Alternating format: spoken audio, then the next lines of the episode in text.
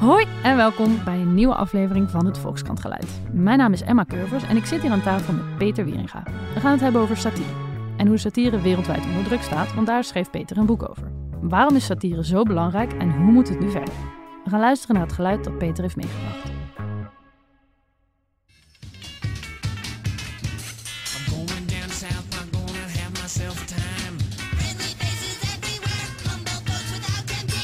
We luisteren naar de jingle van eh, South, Park. Eh, een bekende Amerikaanse animatieserie. Met een hoog eh, satirisch karakter. Eh, en eh, South Park komt ook voor in, eh, in het boek dat ik heb geschreven. En het lijkt mij een heel goed eh, voorbeeld van eh, een programma dat humor gebruikt om eh, politieke, maar ook maatschappelijke misstanden aan de kaak te stellen. En dat doen ze, vind ik, vaak op een briljante manier. Maar goed, Mm. ik ben dus duidelijk een liefhebber. Ja, ja. dus eh, dit, is, dit is al een van jouw favorieten. Wat maakt volgens jou nou eh, goede satire? goede satire, eh, daarom is de titel van mijn boek ook Raak. Die legt de vinger op de zere plek. Die is precies in het benoemen van wat er nou speelt of wat er aan de hand is. En dat kan met een kwinkslag, hè, met gebruik van humor.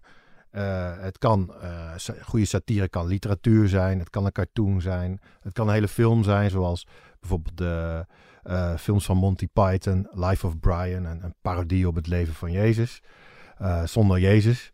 Tenminste, Brian is niet Jezus. Ehm, Mhm. En wat daaruit, eh, wat, wat daar altijd in gebeurt, is dat ehm, bepaalde denkbeelden die mensen hebben, toch eventjes geprikkeld worden. Hè, of het nou taboes zijn of, of iets wat ietsje minder gevoelig ligt. Maar de satiricus, die, steekt er de, eh, eh, een, eh, die, die speelt er een spelletje mee. Die steekt er de draak mee. En dat kan ook in het geval zijn van politiek. Mhm. En dan is het maar net hoe de persoon in kwestie daarmee mee omgaat. En dan kan het ook bedreigend worden. Het kan ook zijn in het geval van religie. Dan kan dat natuurlijk ook een, eh, een gevaarlijk bezigheid zijn als je daarmee de spot drijft. Ja. Ehm, maar ik denk wat, wat de kern is, is dat je een bepaalde eh, denkbeeld of een, bepa- of een bepaalde eh, ideologie of bepaalde handelingen op de korrel neemt en dat doet met een, met een kwinkslag. Ja. Ehm, En jij schreef afgelopen weekend verscheen van jou ook een, een, een stuk in Volkskrant... waarin je eigenlijk constateert dat dat op steeds meer plekken ter wereld eigenlijk een hele gevaarlijke bezigheid is om te doen.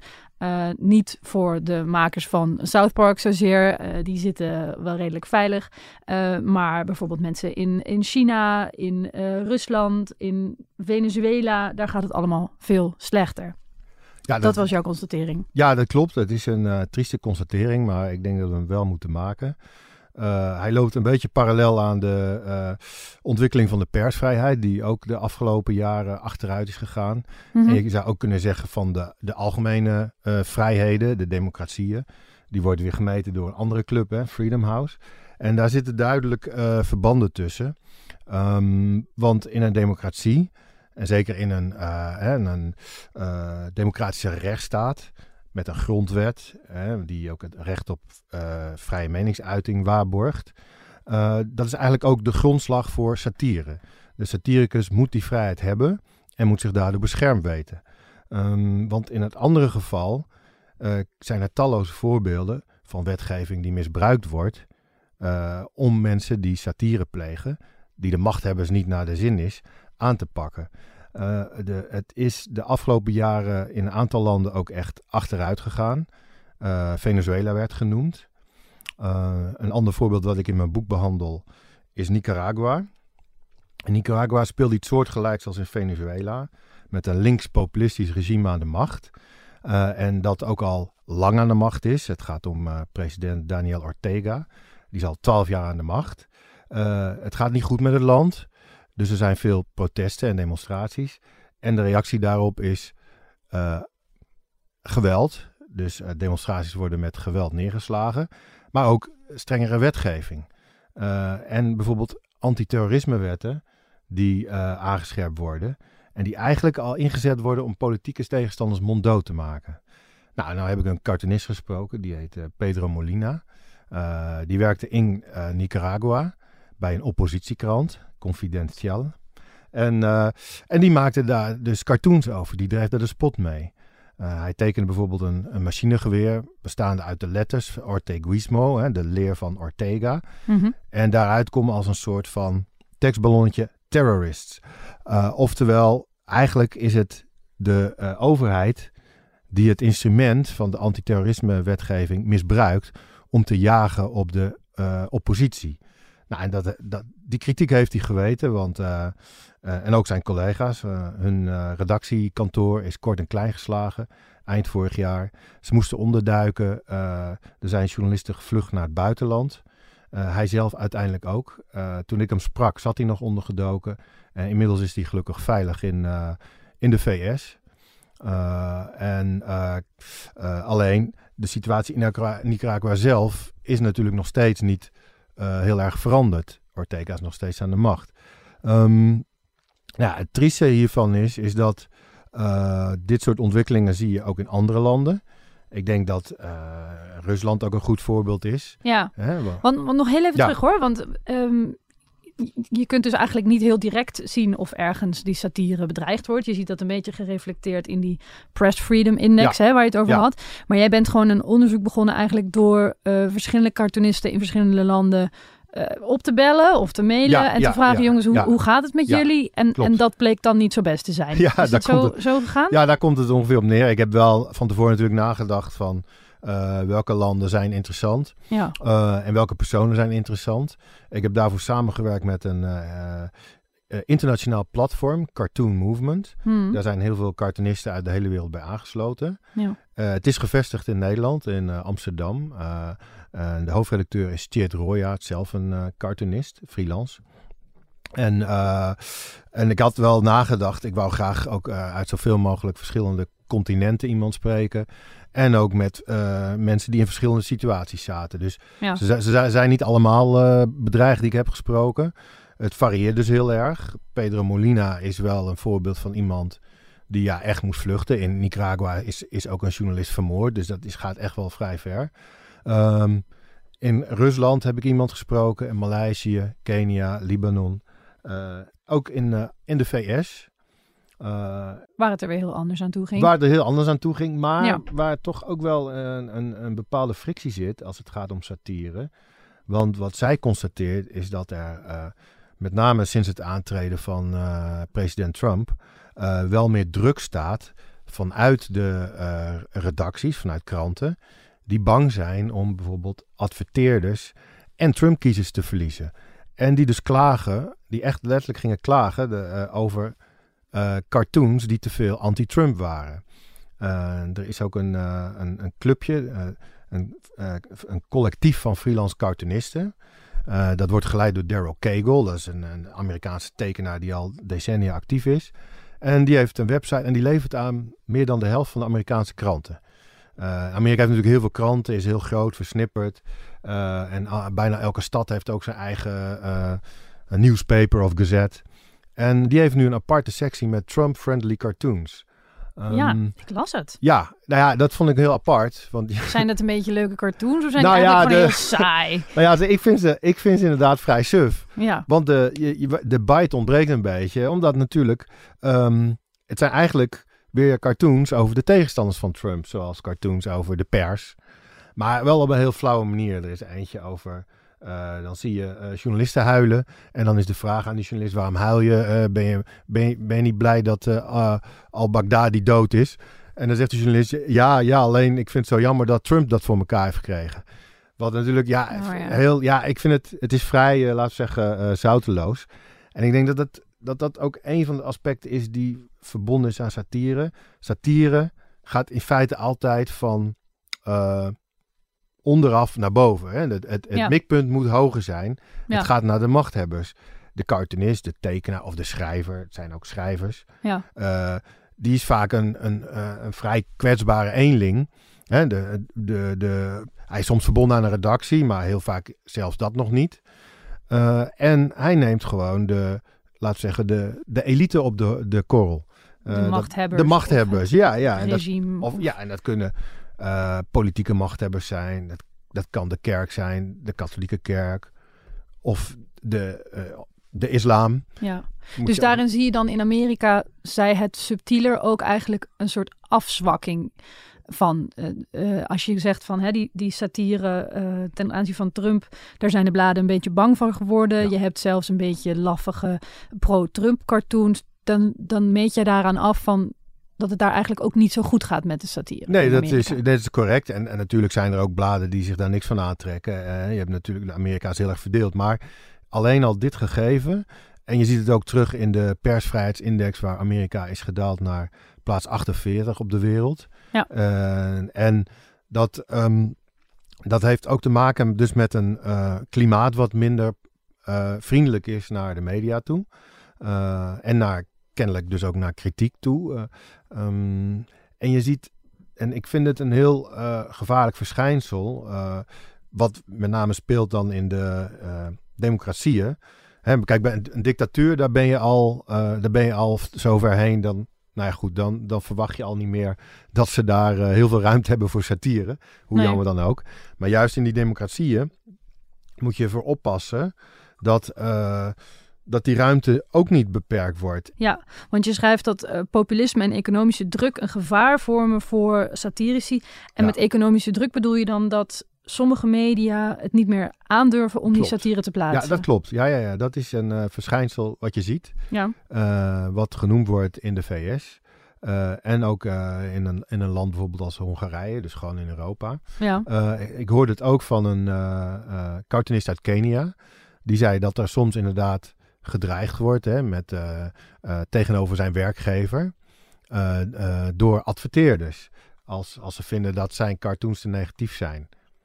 Dat betekent dus dat, dat het dan vervolgens aan de uitgever is. Die moet sterk in zijn schoenen staan. De uitgever van die krant. ja. Of de, uitge- of, of de, of de tv-zender. Staan zij dan ook onder een bepaalde druk? Waarom zouden zij toegeven aan... Nee, omdat, als, nee, omdat zij, zij gaan over het geld. Dus als die adverteerder zegt van... Joh, als jij die cartoons plaatst van Jantje of Pietje... dan, eh, dan adverteren we niet meer bij jou. Ja, En dat, en dat kost dus geld. Dus dan moet je sterk in je schoenen staan... eh, om te zeggen... Ja, jongen, eh, laat maar. Dan hoef ik jouw geld even niet. Ik Ja. sta achter mijn, eh, mijn mensen. en, en ze slagen er dus steeds vaker in om daarin hun zin Ja, te ja, ja, krijgen. nee, dat, ja, dat, dat, dat is... ehm, het verschilt van land tot land. Er zijn ook landen waar het... eh, afgelopen jaar beter is gegaan. Zoals? Eh, Ethiopië is een, Hey. misschien een verrassend voorbeeld. Go Ethiopië. Ja, daar hebben ze ook de eh, eh, politieke gevangenen en eh, waaronder ook journalisten hebben ze vrijgelaten. Ja. Eh, wat niet wil zeggen dat het helemaal eh, allemaal eh, fantastisch is, en alles pijs en vree. Maar er zijn ook landen die vooruit zijn gegaan. Ja, Dus je moet ook niet doen alsof hè, de hele wereld één groot eh, Armageddon is voor Oh. cartoonisten. Maar Nog heel even voor mijn beeld, hè? want je Ja. beschrijft in jouw boek ook, geloof ik, de geschiedenis van de satire. Dit is een ontwikkeling die heeft ingezet. Hoe lang geleden? Hoe moet ik dit zien? Nou, je moet dit zien. En, en, over satire spreken we al eh, vanaf de, de oudheid. In ieder geval de, de, de oudheid in het Westen. Het begint al bij de oude Grieken. En je mag nu niet de hele geschiedenis Nee, van ga ik niet satire doen. gaan vertellen. Maar wat, voor, wat, maar wat heel belangrijk is, die, eh, wat heel belangrijk is, is dat ik ook gekeken heb in hoeverre eh, andere landen en andere culturen Ja, er ook voor, voorgangers zijn. En je ziet ook dat, ehm, dat je bijvoorbeeld eh, in de Perzische dichter Hafez, ja. eh, die schreef gedichten eh, die je als satirisch zou kunnen bestempelen. Hè, met een beetje vrijheid. Waarin hij ook de georganiseerde religie op de korrel neemt. Er zijn Chinese dichters uit de klassieke tijd, eh 8e en 9e eeuw na Christus, die kritisch zijn op, op de besluiten van, de, van hun eigen overheid of van de eigen keizer. Ehm, dus ik, wil ook, ik denk dat we ook moeten eh, blijven laten zien dat eh, satire een, een eh, cultuurgoed is. Dat niet per se, hè, het, is niet per se, het is geen exclusief westers verschijnsel. Ik zou het juist heel fijn vinden als het een universeel verschijnsel zou zijn en als het op zoveel mogelijk plaatsen beoefend kan worden. Omdat ik denk dat het bijdraagt aan een betere en eh, niet alleen een vrije, maar ook een betere samenleving. Dus je bedoelt die discussie rondom satire Ja. en wat er wel en niet zou moeten kunnen, dat is een voortdurend gesprek. En daar Ja, blijven we ons altijd met z'n allen in begeven. En dat, Ja, dat golft ook een beetje heen en weer. absoluut. En, en, en ik denk ook dat het een, eh, een misvatting is om te denken dat er in de islamitische wereld nooit satire is geweest. Hè? En, dat, eh, en eh, we, we, we krijgen natuurlijk wel eens het beeld als we weer eens wat boze, laat zeggen wat boze fundamentalisten eh, eh, boeken zien verbranden van, eh, zoals de Satanic Verses van Rushdie. Mhm. Of als ze ambassades in de fik steken vanwege Mohammed-cartoons. Maar er is ook in de islamitische wereld is er een traditie waarin die iets luchtiger is, zal ik maar zeggen. ja. En die is er ook in, in het China, wat nu een totalitaire staat weer aan het worden is. Maar dat ook een verleden heeft van eh, poëzie met een, met een satirisch karakter. Ja, want eh, als we het over islam hebben, het lijkt soms alsof eh, cabaretiers en cartoonisten Mhm. eigenlijk ehm, in discussies rondom dit onderwerp hoor je wel eens van, nou, je mag over alles grappen maken Ja. in het Westen, behalve over eh, islam. Je noemt ook in je stuk, noem je Charlie Hebdo, wa- wat er daarna is gebeurd. Ehm, je schrijft eigenlijk, er is sindsdien geen Mohammed-cartoon meer van hen verschenen, sinds eh, 2015, de aanval op hun kantoor. Ehm, ik hoor daar een beetje verwarrende dingen over. Sommige eh cabaretiers zeggen nee, dat kan gewoon. Je moet gewoon over de islam grappen kunnen maken. Zoals Peter Pannenkoek, die zei dat van de week Mhm. nog in Trouw. eh, eh, en anderen zeggen nee, dat, dat kan helemaal niet. Bijvoorbeeld in een documentaire van Poont. Dat zijn geen grappen, Mhm. werd dat nog geconstateerd. Hoe zit dat volgens jou? Hoe, hoe ziet dat eruit? Nou, je, moet daar heel eh, ehm, voorzichtig mee zijn. Ik denk dat het vooral een kwestie is van wat je doet. Eh, ik denk dat er grappen over de islam wel mogelijk zijn. Maar je moet heel erg oppassen met eh, als het gaat om de Mohammed en, en, en Allah. Die twee die, eh, die zijn toch een soort van buitencategorie. En daar zijn fundamentalisten nog wel een stukje gevoeliger voor dan, dan als je bijvoorbeeld een, de grootmoefti op de korrel neemt. Of Ja. andere grappen maakt die een, laten we zeggen, een islamitisch tintje hebben. Of, of daaraan raken. Maar het afbeelden van de profeet, dat is, blijft een thema. Eh, ik denk dat dat eh, niet verwonderlijk is. Dat Charlie Hebdo heeft het nog één keer gedaan meteen na de aanslag. Ja. Hè, en toen, eh, toen hadden ze een briljante cartoon op de voorpagina van Mohammed. Die zei, tout est pardonné. Hè, alles is vergeven. Mhm. Met een traan. Waarmee die dus eigenlijk Mohammed, waarmee ze eigenlijk Mohammed op een hoger niveau plaatsen dan de, de aanslagplegers. Hè, die zeggen dat ze uit Mohammeds naam handelen. Maar daarna hebben ze gezegd van nou oké, wij, wij hebben het gedaan, we doen het niet meer. Ja. Maar ze doen het op een andere manier nu, iets indirecter. Eh, ze vallen bijvoorbeeld inderdaad eh, eh, eh, de islam, maar ook de katholieke kerk en het jodendom aan met een cartoon waarin ze een groot mufti, een, de paus en een opperrabijn de wereld laten verdelen. Eh, in sectoren. Zo, eh, en die noemen ze dan Yalta au Vatican. En dat Yalta is een verwijzing naar Yalta, de plaats waar de geallieerden na de Tweede Wereldoorlog eh, Europa hebben verdeeld. Ja. Ehm, dus het, het kan wel, maar ik denk dat, dat, dat één ding wat wel vrij essentieel is. en dat is wat ook destijds speelde bij Van Gogh. Ehm, de film Submission werd gezien als een belediging aan het adres van Allah, Allah zelf. En afbeeldingen van de profeet worden ook gezien als een, een belediging aan het adres van de profeet zelf. ja. En dat is een, dat vinden, en dat, ja, ik, ik, ik bedoel... dus de ik- grootmoefti wel, maar de Ja. profeet niet. Nee, maar ja, het is wel jammer. Ik vind dat de profeet ook zou moeten kunnen. Alleen maar, maar, maar, wa- maar Ja. want, want wat gaat er dan precies... eh, je constateert toch in dat artikel Ja. ook wel een beetje van... nou, je ziet het het minder gebeuren. In Ja. elk geval niet zo direct. Wat gaat daarmee dan verloren? En is dat, is dat erg? Nou ja, het is, ik, ehm, ja, het is een beetje een principiële kwestie. Eh, ik vind dat je ehm, ook God hemzelf en, en de profeet, de, zijn boodschapper, eh, dat je daarmee moet kunnen spotten. En ik denk dat, dat die spot ook niet ehm, per se altijd eh, als iets negatiefs gezien zou moeten worden door gelovigen. Mhm. Het is natuurlijk, het heeft een relativerend karakter. En dat is vooral vervelend als je je eigen geloof niet kan relativeren. Maar er zijn natuurlijk ook heel veel gelovigen en die ontwikkeling hebben we in het christendom al, al lang gehad. Mhm. En de meeste christenen kunnen daar wel mee leven. Ge- eh, eh, eh, toen Monty Python's film Life of Brian uitkwam, had je eerst ook hele woedende reacties. Die we ons niet meer kunnen voorstellen. Maar dat is een soort van geïnternaliseerd nu. En Dan lijkt het alsof je zegt... moslim zouden daar aan kunnen wennen. Uiteindelijk dat we wel, ja, dat denk ik wel. En ik denk ook dat dat een kwestie is van tijd. Je moet, ze, je moet ze ook een beetje tijd gunnen daarin. Er zijn liberale moslims, eh, die, die natuurlijk... Er zijn ook heel veel moslims die destijds op, op straat zijn gegaan onder de kreet Je suis, eh, je suis Charlie.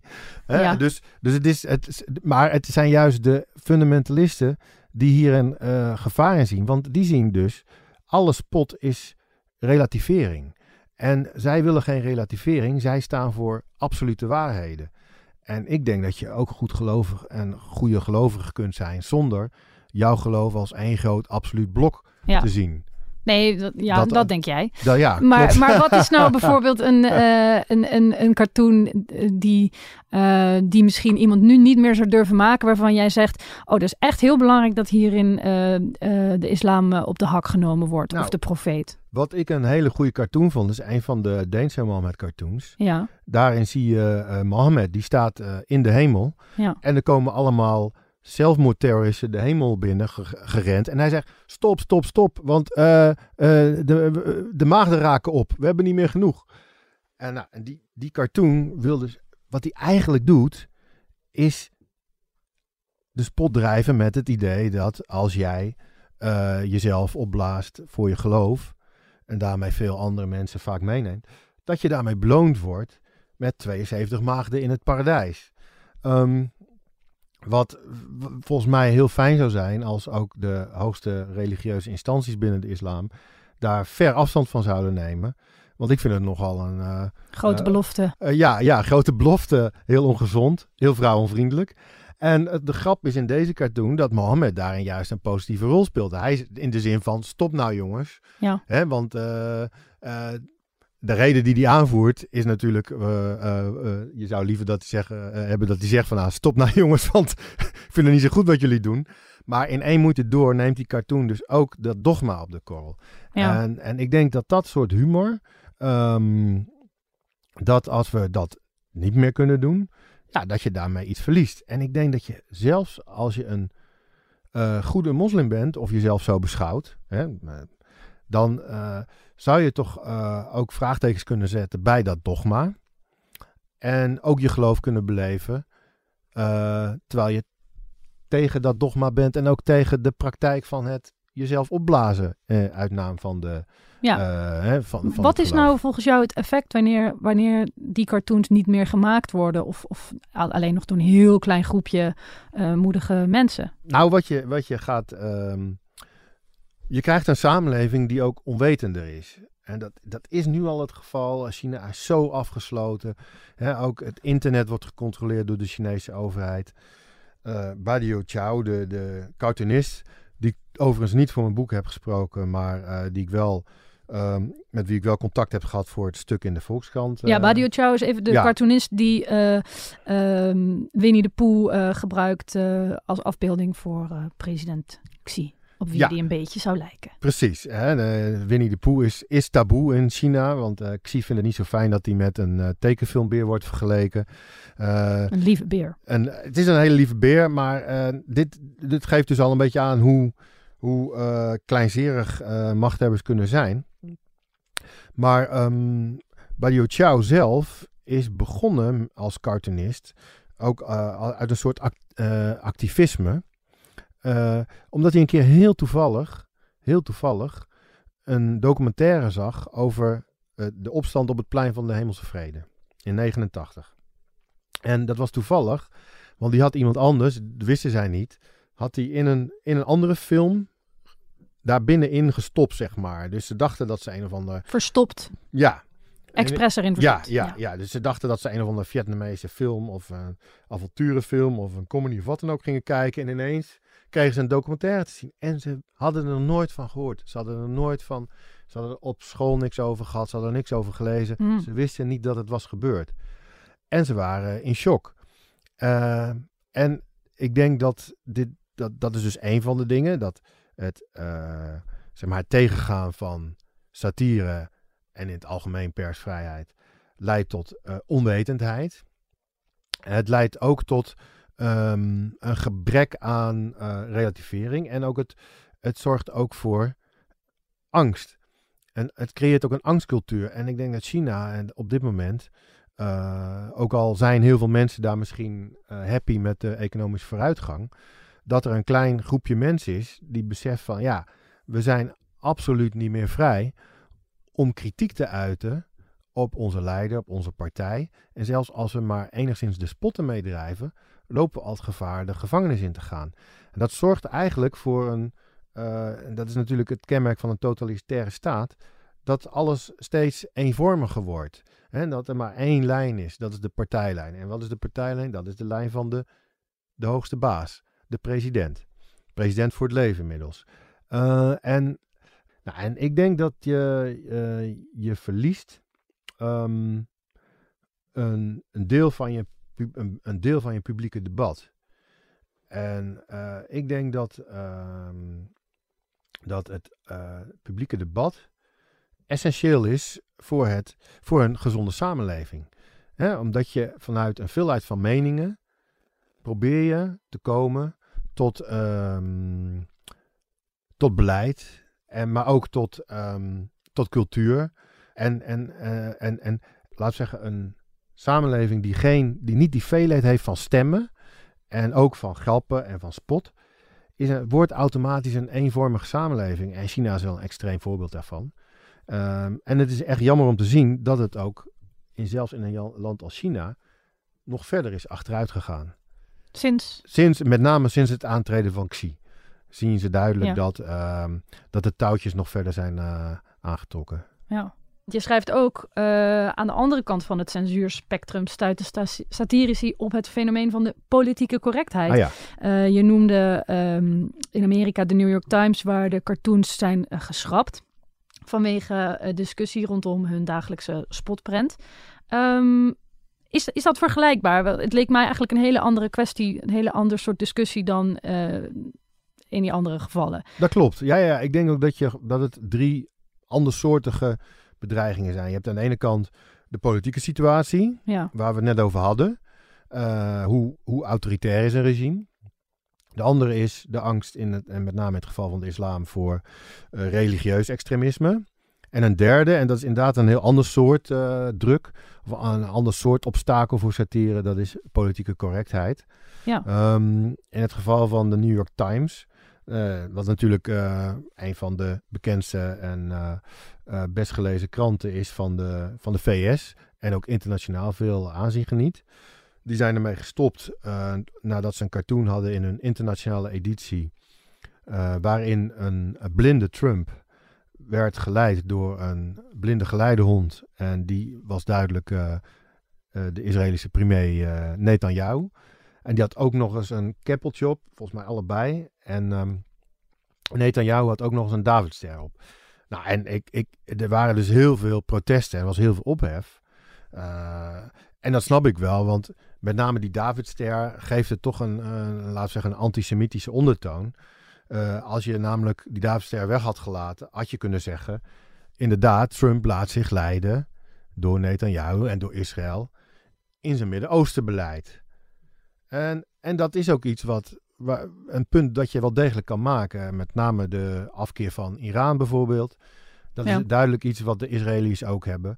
Alleen, ja, dit, dat, dat, die Davidser, die maakt het nou net een beetje hè, gevoeliger. Ehm, eh, alleen snap ik de reactie niet. Na alle ophef besluit de New York Times om dan ook maar meteen helemaal te stoppen, stoppen. met sportprenten. ja. En, en daar zit volgens mij toch een soort van angst achter, voorzichtigheid. Eh, niet een angst om mensen te kwetsen. En om angst voor ophef ook. Ja, maar Eh, je zou toch ook kunnen zeggen, ophef juist leuk, goed zo. Dat is waar die cartoon eh, ook voor is. Voor dat is waar. En je zou kunnen zeggen, dan, dan precies, het is een startpunt van een discussie. Eh, en ik denk ook dat. ehm, ik, en je had best kunnen. En ik, die kritiek op die cartoon, daar kan ik, een, eh, kan ik ook voor een groot deel in meegaan.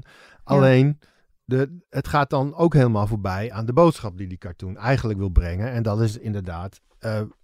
Eh, waarom laat Trump zich zo leiden door. eh, in zijn buitenland, buitenlandbeleid, met name in het Midden-Oosten, door Netanyahu.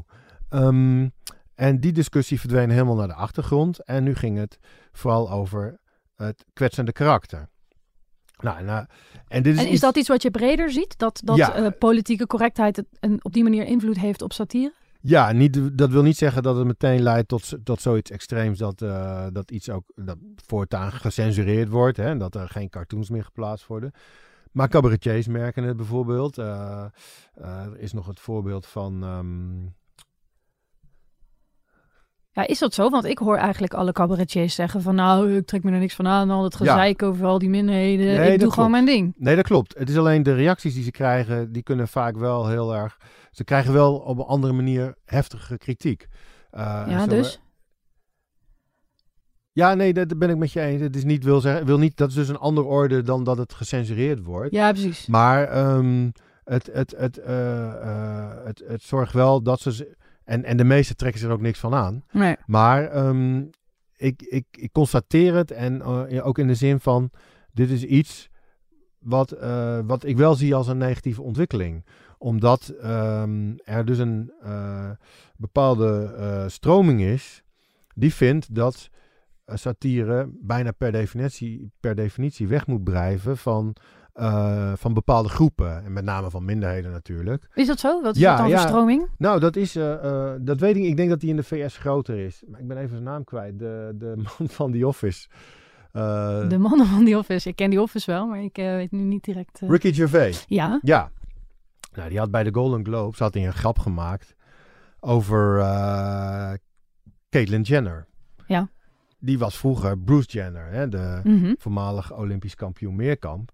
eh, die op een gegeven moment besloten heeft: ik ben vrouw en ik laat me, hè, ik ga die transformatie in. En daar had eh, Ricky Gervais een grap over gemaakt. Hij had gezegd van eh, ongelooflijk dappere vrouw. Hè, we hebben goed van je dat, je dat je die coming out hebt gedaan. Wat een geweldig jaar. Alleen jammer dat je ja, voor, voor, voor, voor vrouwen en autorijden heb je helaas niet zoveel kunnen betekenen. Nou, en dan moet je even weten dat Jenner betrokken was bij inderdaad behoorlijk serieus eh, auto-ongeluk. Nou, en ehm, daar is hij vervolgens. Het is een vrij harde grap en daar kan je ook, eh, dat mag je ook best vinden, dat het vrij ver gaat. Maar de kritiek die hij van een hele, eh, die hij met name op platform als Twitter kreeg, was ook dat hij transfoob zou zijn. Op Twitter. Ja. Ja. Ja. En eh, nou zeg ik niet dat je daar iets van moet aantrekken. En dat doet Ricky Gervais ook niet. Nee. Maar het laat wel zien dat, ehm, dat er wel een stroming is die vindt dat zodra je aan bepaalde Groepen. groepen komt, dat je dan eigenlijk al automatisch een stap te ver gaat. Want hij speelt eigenlijk ook met, met twee vooroordelen. Het ene gaat over vrouwen en het andere gaat over autorijden. En dus het De- ene het, is over, het vooroordeel dat vrouwen ja. niet kunnen Ja. eh, autorijden. Ja. En aan de andere kant eh, de transformatie van man naar vrouw. Hij was een man. Hè? En, en dus hij maakt de grap van, ja, jammer, eh, eindelijk een vrouw die kan autorijden. En verdorie, dat kan je ook niet. Maar goed, er is meer commentaar. Maar eh, zijn er andere voorbeelden te verzinnen dan de New York Times... waar dit soort uitingen dan ook niet meer zo, gemaakt nee, nee, worden? zo extreem heb ik het nog niet gezien. Nee, toch? Nee, nee, nee, Want ik bedoel, geloof ook van in de- Nederland. ja. We hebben natuurlijk eh, onlangs nog eh, een groot interview met Theo Maas Ja. eh, gehad Ja. in de krant. Die ook gewoon zegt, nou, ik, zijn hele show gaat daar eigenlijk ook wel over. En, en hij kan gewoon die, die grappen nog maken en de zalen zitten vol. Nee, dat ben, nee maar dat, dat ben ik ook met je eens. Ja. Hoor. Ik denk, en zeker in, en in, zeker in Nederland maak ik me daar ook niet zoveel zorgen om. Nee, Eh, want zie jij nou eh, hier in Nederland de, de effecten van deze, deze drie bedreigingen die we nu hebben Ja. geïdentificeerd? Nou, de enige is, eh, ik denk dat ook weinig kranten nog Mohammed cartoons zouden plaatsen. Eh, je zou het hier de hoofdredacteur kunnen vragen, maar ik denk niet dat hij dat gauw zal doen.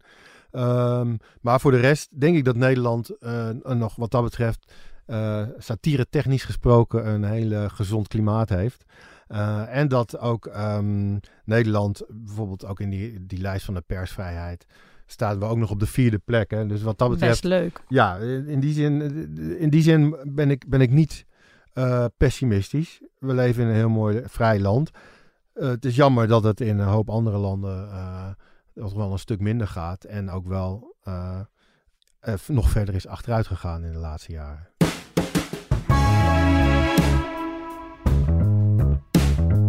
Bedankt voor het luisteren naar het Volkskrant Geluid. Eh, graag tot volgende week. Vond je het nou leuk? Geef ons een hartje of een likeje of een review. En raad ons aan bij je vrienden. Dank, doei!